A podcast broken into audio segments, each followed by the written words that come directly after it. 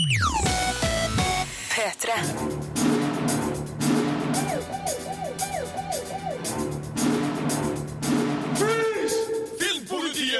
God fredag! Det er duka for to timer med deilig filmpreik her på P3. Du hører på Filmpolitiet. Jeg heter Marte Hedenstad og skal servere deg ukas filmanmeldelser i dag. Det er hele seks eh, kinopremierer denne uka, og vi skal innom alt fra koreansk science fiction med Snowpiercer, spionthrilleren A Most Wanted Man med avdøde Philip Seymour Hoffman i hovedrollen, og Flink pike, en dokumentarfilm om depresjon. Blant annet. Og du skal også få spillanmeldelsen av det nye racingspillet Drive Club til PlayStation 4. Og muligheten til å vinne en utrolig kul X-Men-filmpakke. Ja, ja, det blir ganske så spennende. Og så skal du finne ut hvordan du kan sikre deg en fin kveld med Filmpolitiet i Birger Vestmos private hjemmekinosal. Og første film ut på programmet i dag, det er science fiction-filmen Snowpiercer. Det er et merkelig sammensurium av en film, og du får anmeldelsen like etter Young Guns med I Want Out her på P3. Filmpolitiet anmelder film. This chaos. A Thousand people in an iron box. 18 years I've hated a train. 18 years I've waited for this moment. Med den dystopiske science fiction-filmen Snowpiercer har den koreanske regissøren Jon Ho Bong, mest kjent for skrekkfilmen The Host, brakt den franske tegneserien Le Transpersonnage til filmlerretet. Resultatet er en schizofren blanding av koreansk sjangerfilmgrep, storslagne omgivelser en Hollywood-blockbuster verdig, tullete tegneseriefigurer og en dyster atmosfære. Men fungerer det? Så absolutt. Passengers, eternal order flows from the sacred engine. Jorden er inne i en ny istid som har utslettet nesten alt liv på planeten. De eneste overlevende er passasjerene om bord på Snowpiercer, et gigantisk tog drevet av en evighetsmaskin som gjør at det tøffer av gårde uten stans. En hel runde rundt den iskledde kloden i løpet av ett år. This is your world. Handlingen starter i år 2031, i den bakerste vognen av toget, der de fattigste passasjerene holder til. De som ikke hadde penger til billett da Snowpiercer kjørte ut fra stasjonen 17 år tidligere. De undertrykte menneskene lever under elendige forhold, uten mulighet til å forlate vognen sin. Den eneste maten, noen lugubre geléklumper med protein, som rasjoneres ut under streng observasjon. Lenger frem i toget mesker de rike passasjerene seg med deilig mat og drikke, og helt fremst i toget befinner den mystiske ingeniøren Mr. Wilford seg, der han pleier motoren som er menneskehetens redning.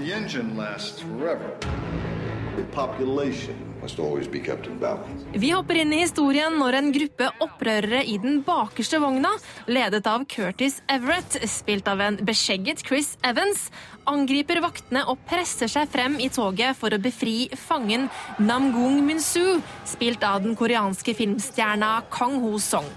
Han har laget sikkerhetssystemet i toget og kan derfor hjelpe dem å komme forbi de mange dørene som skiller dem fra Mr. Wilford, slik at de kan ta kontroll over toget. Filmen har et lite, men godt persongalleri. Chris Evans' dystre helt blir til tider litt vel tungsindig, men balanseres godt av Kang Ho Songs ettertenksomme, men rusavhengige rollefigur. Tilda Swinton gjør en fabelaktig prestasjon som Mr. Wilfords minister Mason. En parodisk fremstilling av en britisk overklassefrue med dårlige tenner. Snowpiercer skifter takt og tone flere ganger gjennom filmen.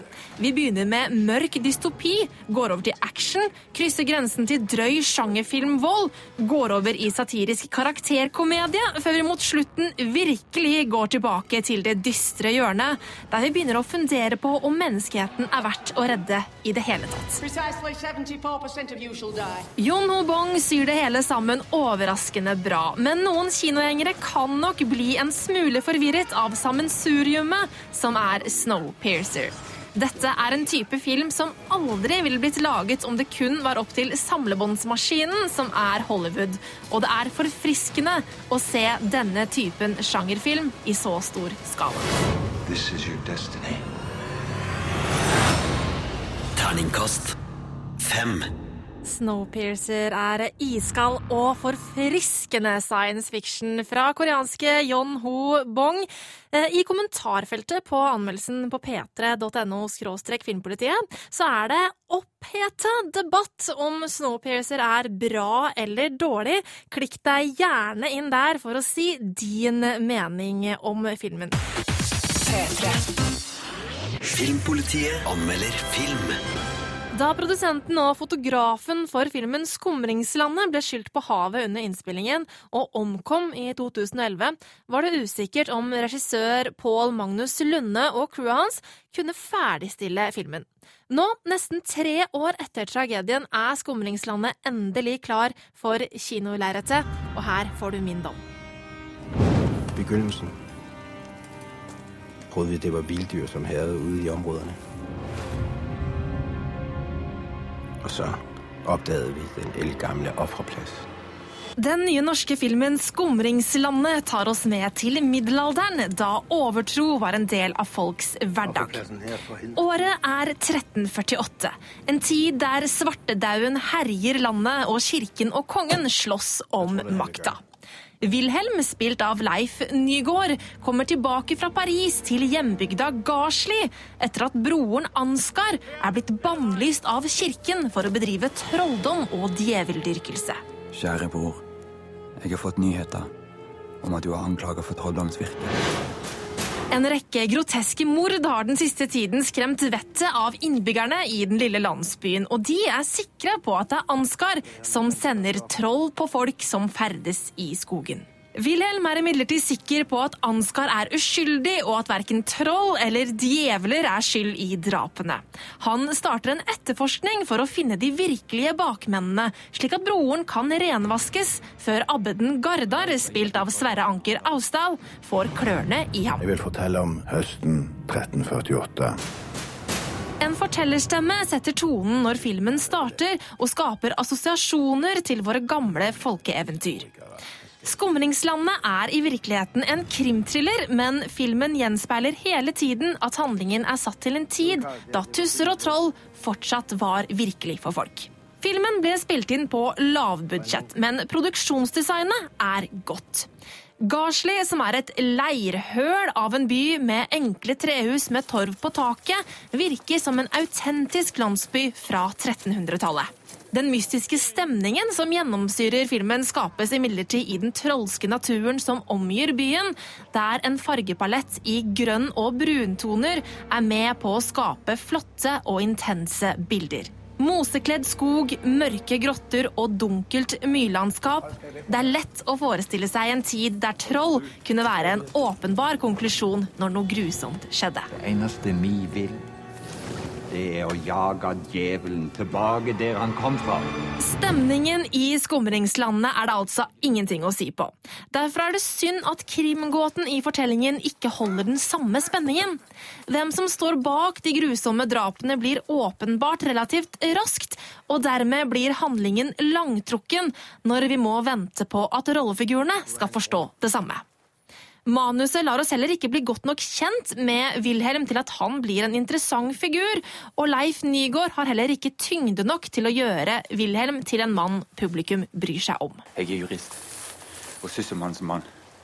Jeg behøver ikke fortelle deg noe. Flere biroller mister også troverdighet pga. teatralsk skuespill, men heldigvis heves nivået noe av en som alltid god Kim Bodnia i rollen som abbedens beinharde håndlanger. Han har gjort seg skyldig i å mene fram underjordiske krefter. Som en lavbudsjettsproduksjon er produksjonsnivået i Skumringslandet imponerende, og det er lett å la seg rive med av filmens trolske stemning.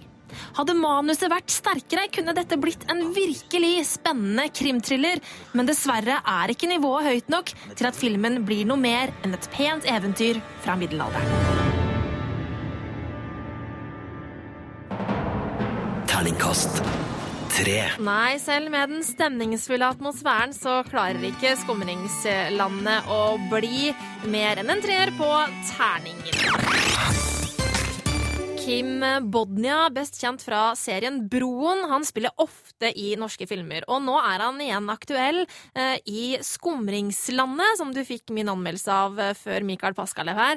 Eh, og i forrige uke så var Kim Bodnia på besøk hos P3 Morgen, og da spurte Ronny og Silje Bodnia om hvorfor han spiller i så mange norske filmer. Øh, Først og fremmest fordi eh, invitasjonen øh, er så smuk. Øh, den er alltid vennlig. Og når jeg kommer herop, de produsenter jeg har arbeidet med, øh, er utrolig fantastiske mennesker. Så det er bra folk som gjør at du kommer tilbake? Ja. Ja, enkelt og greit. Og så er du aktuell nå med en ny film som har premiere, som heter Skumringslandet. Det er en thriller. Fortell, fortell om rolla di der. Ja, men det er jo et, et, et storverk, det her. Det øh, er Paul Magnus og alle hans venner. Paul Magnus er instruktøren, forfatteren, scenograf. Øh, har bosatt seg på grunn av hans foreldre i Sugendal. Ja. Oppe i, i norsk øh, New Zealand. Der har de bygget, fra, jeg tror det er du ved, informasjonstiden, hvornår vi er tilbake i 1349, har de bygget en hel by med deres egne rå hænder. Ja, for kulissene er bygd for han. men, ja, men fantastisk. Har, Altså, har du vært med på det? nei, det har jeg. Gud ikke. Det hadde vært artig, da. Jeg, jeg ble inviteret opp som skuespiller, Ja, ja, ja. ja. og da jeg kom opp her og så hvor fantastisk altså, altså, det her det er jo et helt nytt hold. Helt nytt norsk filmhold. Helt fantastisk. Som har den her energi som jeg elsker. Mm. Øh, og, og da jeg kom opp og så det her, så Altså, jeg kunne simpelthen ikke forstå hvordan at man i så lang tid har kunne, kunne ha så stor en interesse. Fordi det er sånn jeg har det, men at det er andre der også gjør det, det er fantastisk. Mm. Så vi ble jo meget tætte sammen ret hurtigt, og derfor var det meget svært for meg å komme væk fra den her produktion. Fordi at energien var så fantastisk, og det de hadde bygget var så smukt. Og, og da vi så begynte å filme, øh, viste det seg at billederne, vores fotograf Henning, er jo fantastisk. Så det er en spektakulær og vakker thriller. Ja, men det er jo fuldstændig fantastisk. Altså, jeg, jeg har ved guden på det, altså, nu, nu er det smukt, og man burde ikke tale om penge i det her, men, men for de midler, som, som de har haft, som jo er, er lige nul, Ja. så tror jeg, at Hollywood kommer til å ringe efter de her fyre. det tror jeg. Ja, det gjør jeg. Det sa den danske skuespilleren Kim Bodnia om den nye norske filmen Skumringslandet da han gjestet P3 Morgen forrige uke. Dette er Filmpolitiet på P3. Neste uke, nærmere bestemt 15. oktober, så kommer eh, X-Men Days of Future Past eh, ut på Blu-ray og DVD her til lands.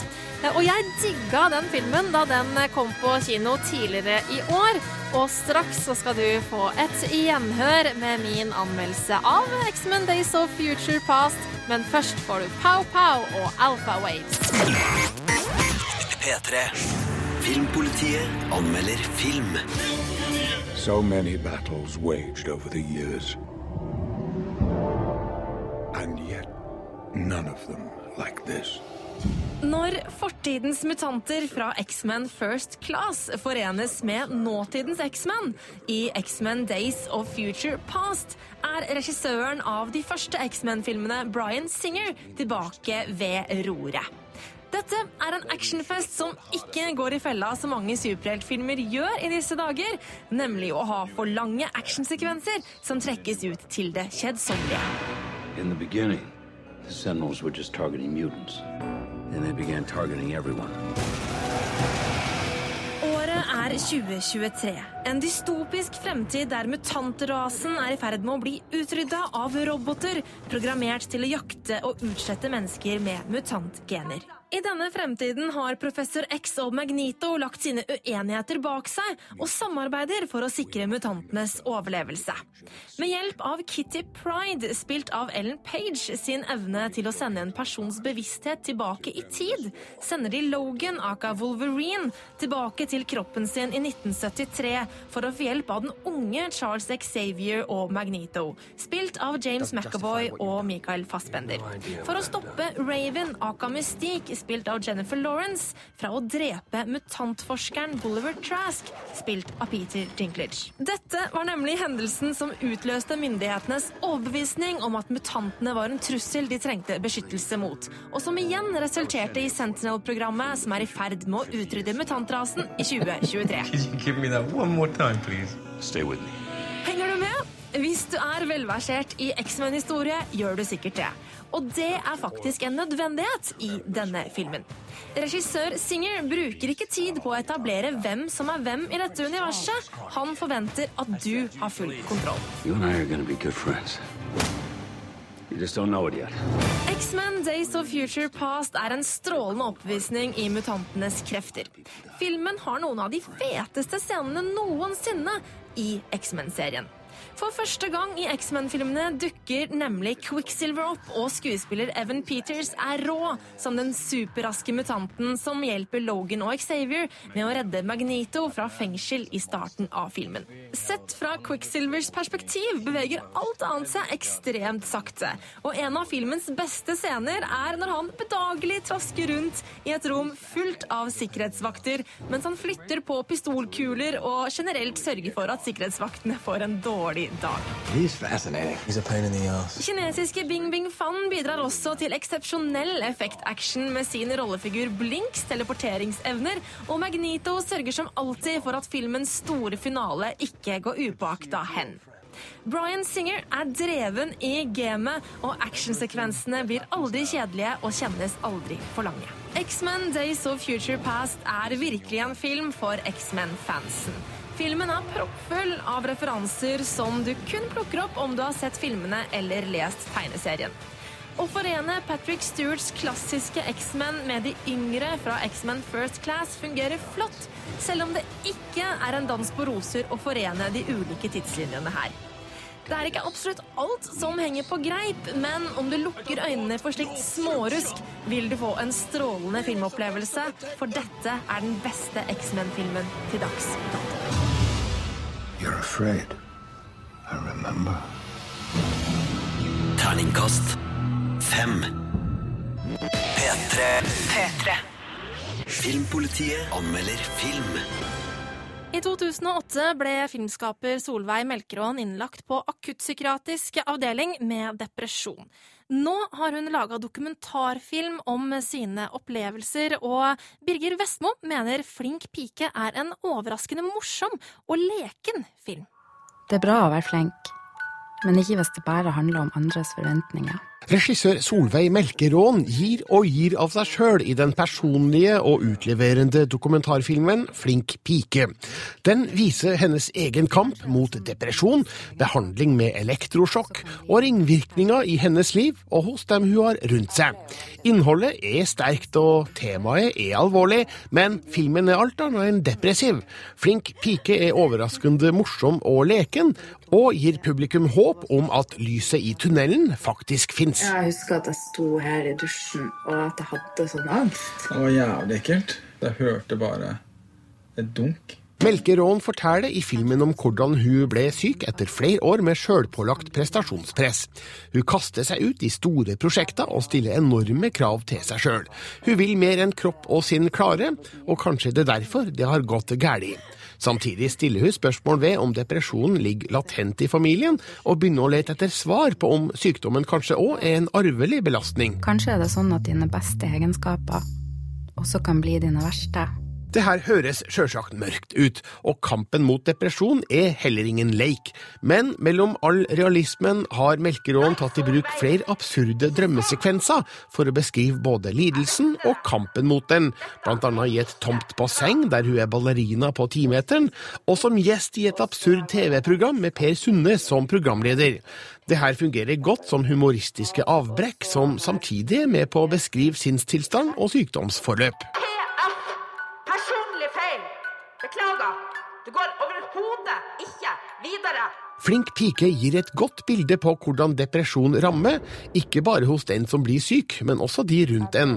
Vi får ærlige og oppriktige beskrivelser av hvordan både Melkeråens samboer og nærmeste familie sliter med situasjonen. Klare svar er vanskelig å finne fordi ingen snakker om depresjon. Her balanserer filmen hårfint på grensa mellom personlig og privat, men jeg syns den holder seg på riktig side. Og så fikk jeg elektrosjokk. Wow. De sterkeste bildene i Flink pike er elektrosjokkbehandlinga som Solveig Melkeråen går gjennom. Kameraet følger hun tett, både før, under og etter, og vi får et innblikk i en behandling som legen sjøl sier at ingen vet noe særlig om, til tross for et høyt antall pasienter. Flink pike kan derfor ha en viktig funksjon som en informerende og opplysende dokumentarfilm som viser at depresjon lar seg bekjempe, og at det er mulig å holde humøret opp, til tross for vanskene man står overfor. Men jobber du litt mindre nå? Mm.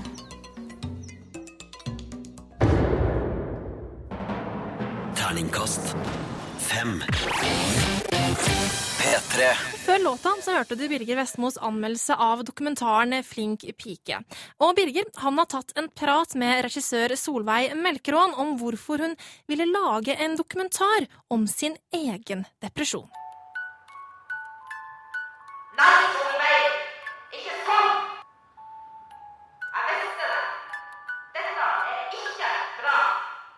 Når skjønte du at du skulle lage film om din egen depresjon? Det var vel eh, våren 2009, når jeg snakka med min daværende produsent Thomas Robsam og fortalte hvorfor jeg hadde vært sykemeldt. Og det første han sa, ja, men det her må du jo lage film om. Eh, og da ble jeg egentlig litt sånn da hadde jeg egentlig, altså Foreløpig da hadde jeg ikke helt tenkt på det. Og så syntes jeg det hørtes veldig skummelt ut, og så tenkte jeg litt mer på det. Og så tenkte jeg ja, dette har jeg lyst til å prøve å lage film om. Satt du deg ned og skrev opp eh, en liste over hva du skulle dele, og hva du ikke ville ha med? Nei, det tenkte jeg ikke så mye på. Jeg, jeg har ikke vært så veldig sånn at jeg filtrerte så veldig masse i opptak. Altså Det er mer det at jeg har jo jobba veldig masse med den der balansen mellom ja, kleint privat og nært personlig, eh, som jeg håper at jeg har fått til. Men den jobben har jo først og fremst ligget i klippen. Du har jo trukket familien din inn i det her. Hvilke reaksjoner fikk du der da du la frem disse planene om å lage film? Ja, jeg skjønner godt at de ble litt sånn bekymra og tenkte hvordan skal det gå. Det, kanskje blir dette for mye for Solveig nå og for oss òg. Men, men nå er jo jeg jævlig sta, så det vil si at de ble jo med på det til slutt. Og nå er de veldig glad for det, tror jeg.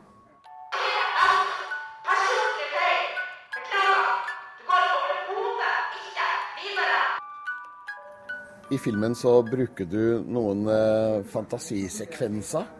Men resultatet er jo at det, det blir jo en, en, morsom film om depresjon. Var det, var det tanken?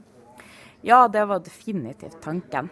Det var sånn, det var en av de første tingene jeg tenkte at hvis jeg skal lage en film om depresjon, og min egen depresjon, så tenkte jeg sånn Jo, men uansett, og så tenkte jeg at jeg hadde, hadde ikke at, hadde ikke lyst til at de som Om man ikke var deprimert før man gikk inn i kinosalen, så ble man det i hvert fall når man gikk ut. Det var liksom sånn jeg tenkte det har jeg ikke lyst til. Fordi at jeg føler også at for meg var det ikke sånn. Altså det er Livet er jo så mangefasettert, og det går opp og det går ned. Og min familie, vi bruker masse humor. Jeg, mine tidligere filmer har vært masse humor i. Så det var litt sånn ja, må, Og det var en kjempeoppgave. Jeg tenker sånn Ja, når jeg sier det, jeg skal lage en feelgood-film om depresjon, så er det sånn Hæ, hvordan i alle dager skal du klare det? For det er klart, det er jo en har jo vært en veldig sånn balanse, det òg, mellom den Altså som jeg sier, at ja, den befriende latteren, men du samtidig skal føle at temaet blir tatt på alvor, da.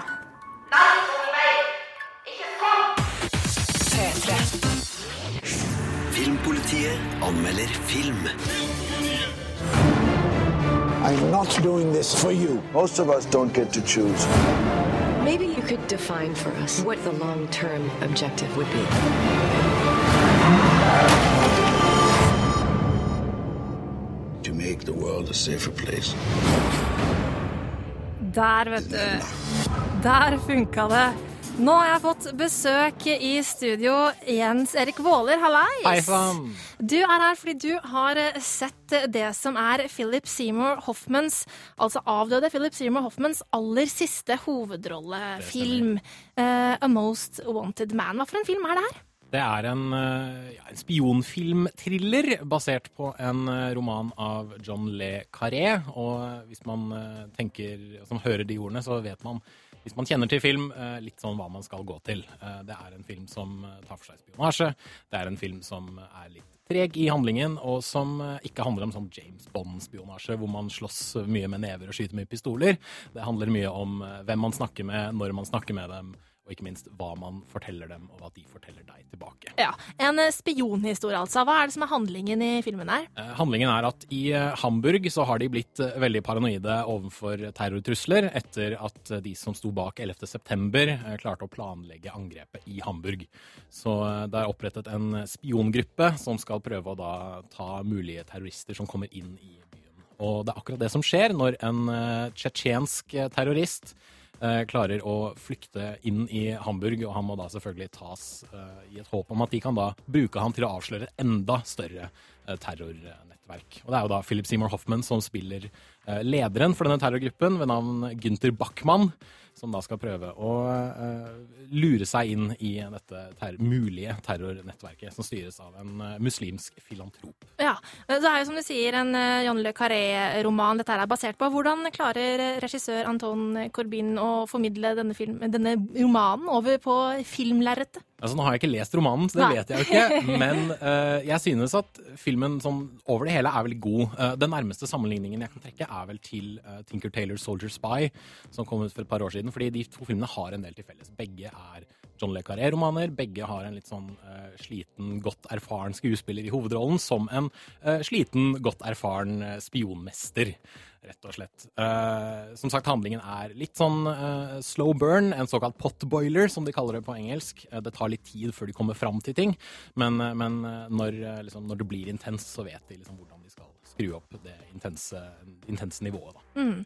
Eh, Det er jo litt spesielt eh, å se Philip Seymour Hoffman eh, i en film etter hans død. Hvordan gjør skuespilleren sin rollefigur her? Eh, Jeg syns han spiller utrolig godt. Han spiller eh, som alltid rollefiguren helt ut til fingerspissene, og jeg tror ikke filmen kunne vært helt det samme uten han i hovedrollen. Eh, Han må snakke engelsk med en litt sånn tysk, europeisk, britisk aksent. Det er litt rart sånn til å begynne med, men det går veldig bra etter hvert. Og det er rett og slett han som, som eier hele filmen, som liksom, ja, veldig korpulent, veldig sliten og alkoholisert spionsjef.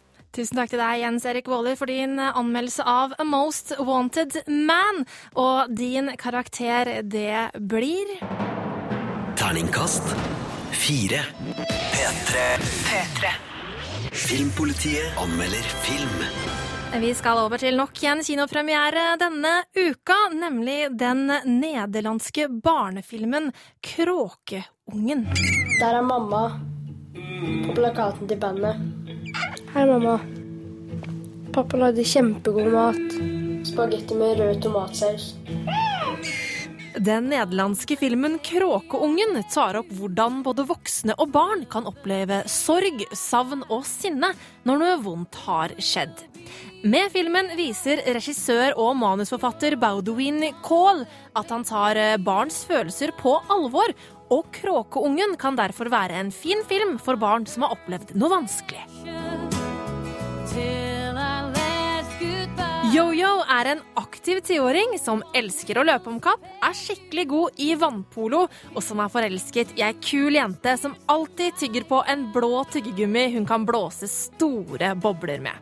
Men Yo-Yo har det ikke så lett. Moren, som er countrystjerne, er på evig turné i USA, og faren er nesten alltid sint og har nesten aldri lyst til å bruke tid med Yo-Yo. Han må stort sett klare seg selv, for det er ingen voksne som tar oppvasken, vasker klær eller lager matpakke. Hvor lenge har du hatt den der? Hvis du legger den tilbake i redet, så vil den kanskje overleve. Nei. En dag finner Yo-Yo en skadet kråkeunge som han tar med seg hjem. Han må gjemme fugleungen for faren, for kjæledyr får han ikke lov til å ha. Men i skjul utvikler han et nært vennskap med kråkeungen, som han kaller Krakse. Kråkefugler lever i kolonier. Den modigste hannen er sjefen, og han får den peneste hunden.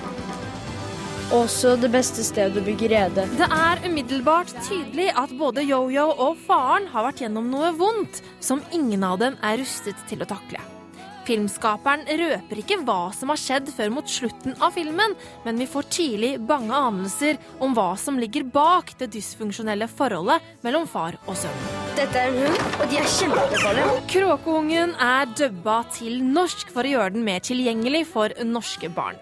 Og det er forståelig, men også litt synd, og kanskje til og med unødvendig med tanke på at filmen er mynta på unge fra 11 år og oppover. Rick Lenz er svært overbevisende i rollen som Yo-Yo, og jeg skulle gjerne ha sett filmen med hans nederlandske replikker istedenfor den norske dubbingen, som aldri blir noe bedre enn helt grei. Luck Peters, som spiller faren til Yo-Yo, er også god i sin rolle og maler et realistisk bilde av en voksen mann som verken klarer å ta vare på sønnen sin eller seg selv. You are Filmen har flere tøffe og realistiske scener, men tempoet i Kråkeungen er saktegående. De langsomme kameraføringene som hele tiden dveler ved Yo-Yos ansikt, kan nok bli direkte kjedelig for enkelte barn, men forhåpentligvis når historien likevel ut til de barna som trenger det. For dette er en film som tar barna på alvor, som ikke undervurderer sitt unge publikum. Og med sin virkelighetsnære tilnærming til barns følelsesliv er Kråkeungen en kjempefin film for foreldre og unge som har vært gjennom noe vanskelig. God natt, lille fugl. Terningkast fire. Kråkeungen er altså en fin, men vond film som tar barnas følelsesliv på alvor.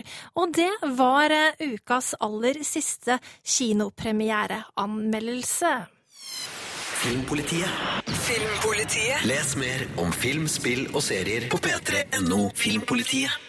Men det betyr ikke at Filmpolitiet er ferdig. Vi skal nemlig over til en spillanmeldelse ganske så snart, nemlig av Drive Club til PlayStation 4. P3. Filmpolitiet anmelder spill.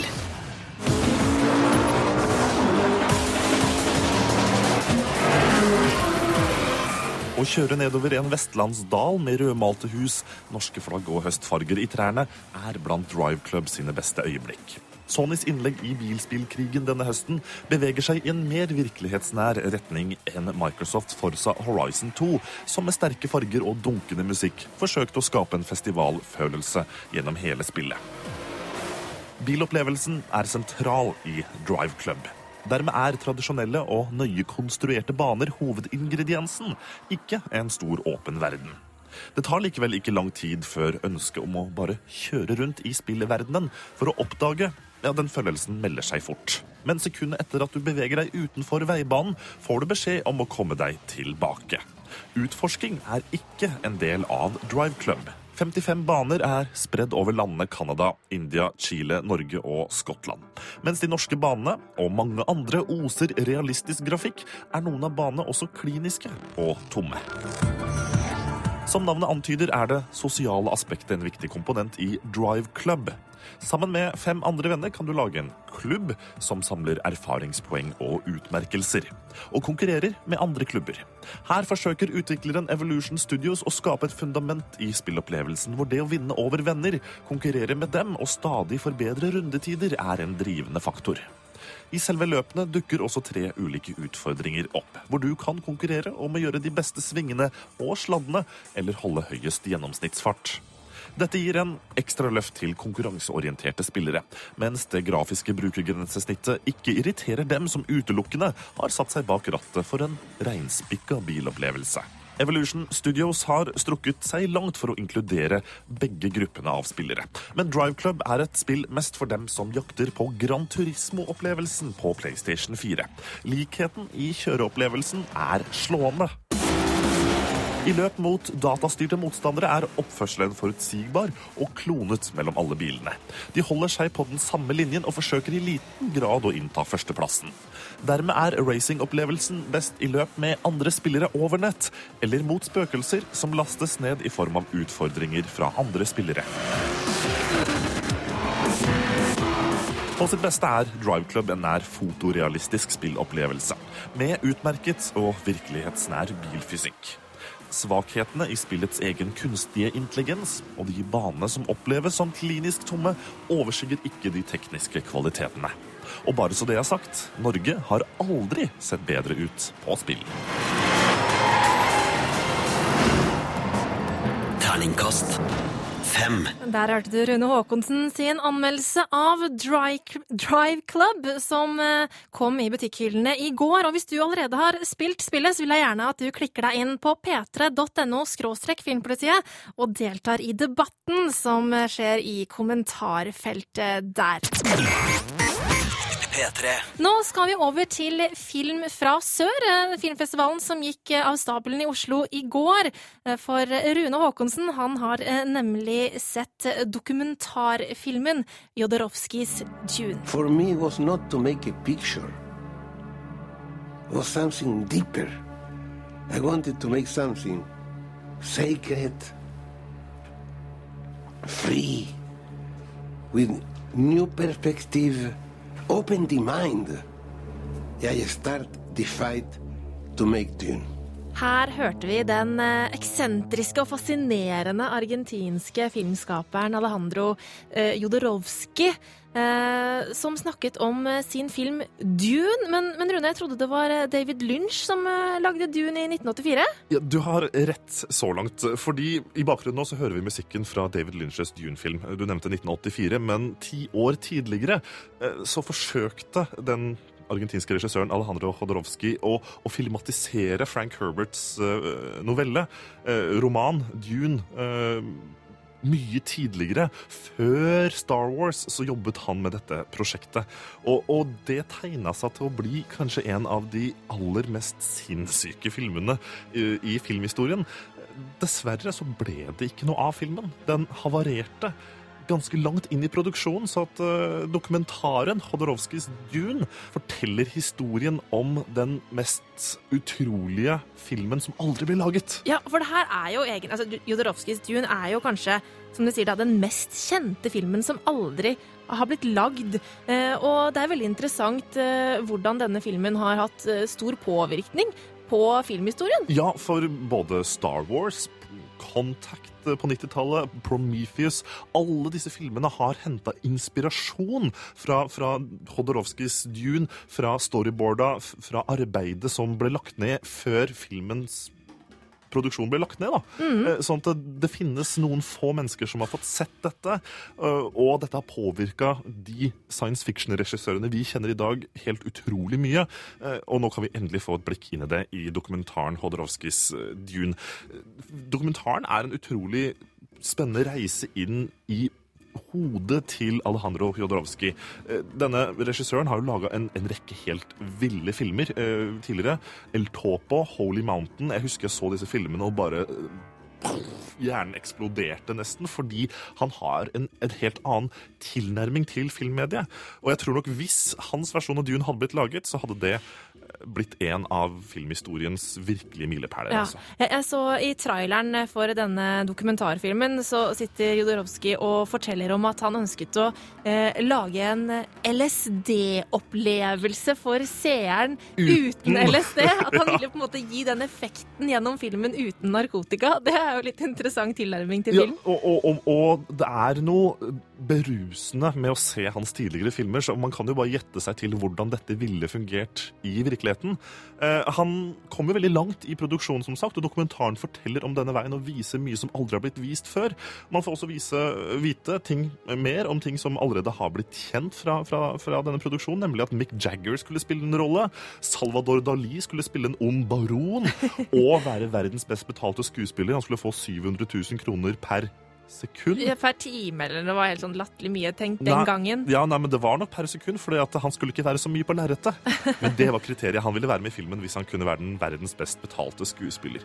Eh, Pink Floyd skulle lage musikken. altså Det her er en, en, en samling av alt talent som sto litt på siden av det etablerte Hollywood på 70-tallet, Mm. og som da skulle lage denne versjonen av Dune. Jeg syns dokumentaren gir et, et, et, et godt blikk inn i hva som kunne vært, og, og, og den struktureres på en måte som gjør at det er interessant for både de som er interessert i film, men også science fiction, å kunne oppleve og, og ta en liten del av det som vi aldri kommer til å få se, dessverre. Men, men, men det å kunne se tegningene, det å kunne eh, høre hva han tenkte om science fiction, dette er tanker som jeg tror ville endra retningen til Hollywood sånn som vi ser det i dag, hvis det hadde blitt realisert. Og dokumentaren om uh, Hodorowskis Dune klarer å formidle dette på en engasjerende måte, og derfor så er det bare én dom for meg å gi. Terningkast fem. Filmpolitiet.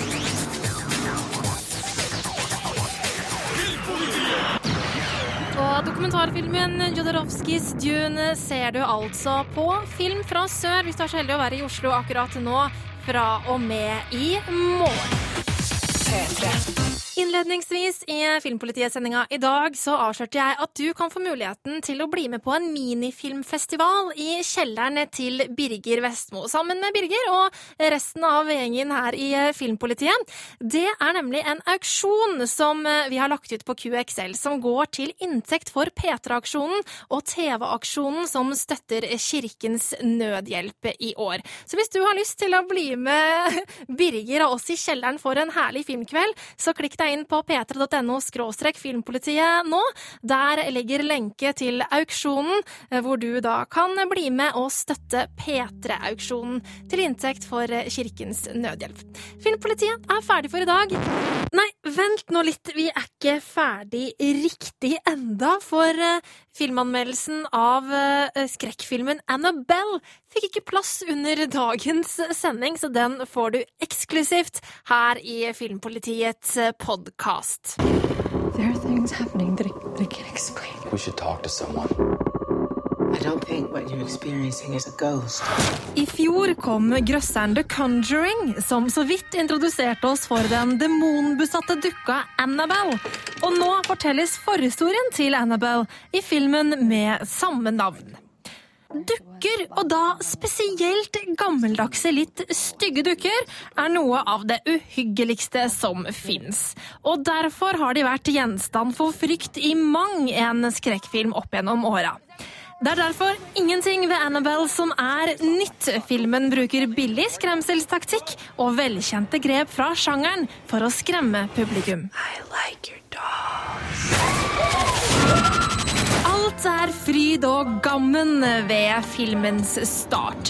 Året er 1967, og ekteparet Mia, spilt av Annabelle Wallis, og John Gordon, spilt av Ward Horton, venter barn.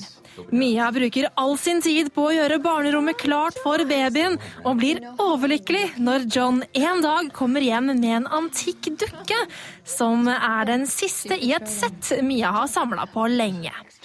Lykken blir imidlertid kortvarig. En natt blir naboparet myrda av deres gale datter og partneren hennes, som tilhører en satanistisk kult. Paret bryter seg også inn hos Mia og John og forsøker å ta livet av dem og deres ufødte barn. Politiet dukker akkurat opp i tide og dreper kultistene, men i sin død klarte de å etterlate seg mer enn bare spilt blod.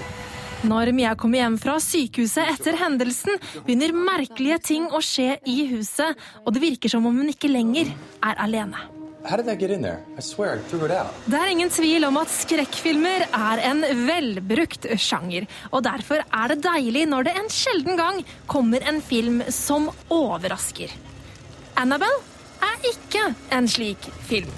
Regissør John R. Leonetti, som var filmfotograf på The Conjuring, klarer ikke å lage en underliggende stemning av frykt i filmen, men bruker kun enkle grep for å få publikum til å skvette.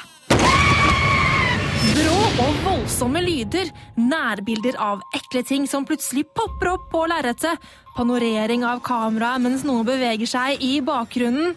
alle de åpenbare skrekkelementene er på plass. Manusforfatter Gary Doberman låner skamløst av andre og bedre skrekkfilmer, og gjør oss smertelig klar over dette når han f.eks. velger å hylle Mia Farrows rollefigur i skrekkklassikeren Rosemary's Baby gjennom Mia. Så ble jeg skremt?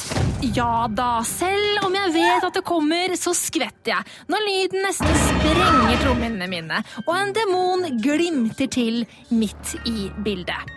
Men det føles billig, det føles oppbrukt, og Annabelle blir bare enda en forglemmelig film i rekken av middelmådige skrekkfilmer. Terningkast tre. Nei, Annabelle kunne ikke akkurat måle seg med fjorårets The Conjuring. Eh, kun en treer på terningen, og for å være helt ærlig, så var jeg til og med litt grann snill da jeg trillet den eh, treeren. Sånn! Nå er Filmpolitiets podkast ferdig for i dag. Tusen takk for at du har lasta ned, og tusen takk for at du har hørt på. Ha det bra! Filmpolitiet Med Marte Hedenstad. på P3. Hør flere podkaster på nrk.no podkast. P3.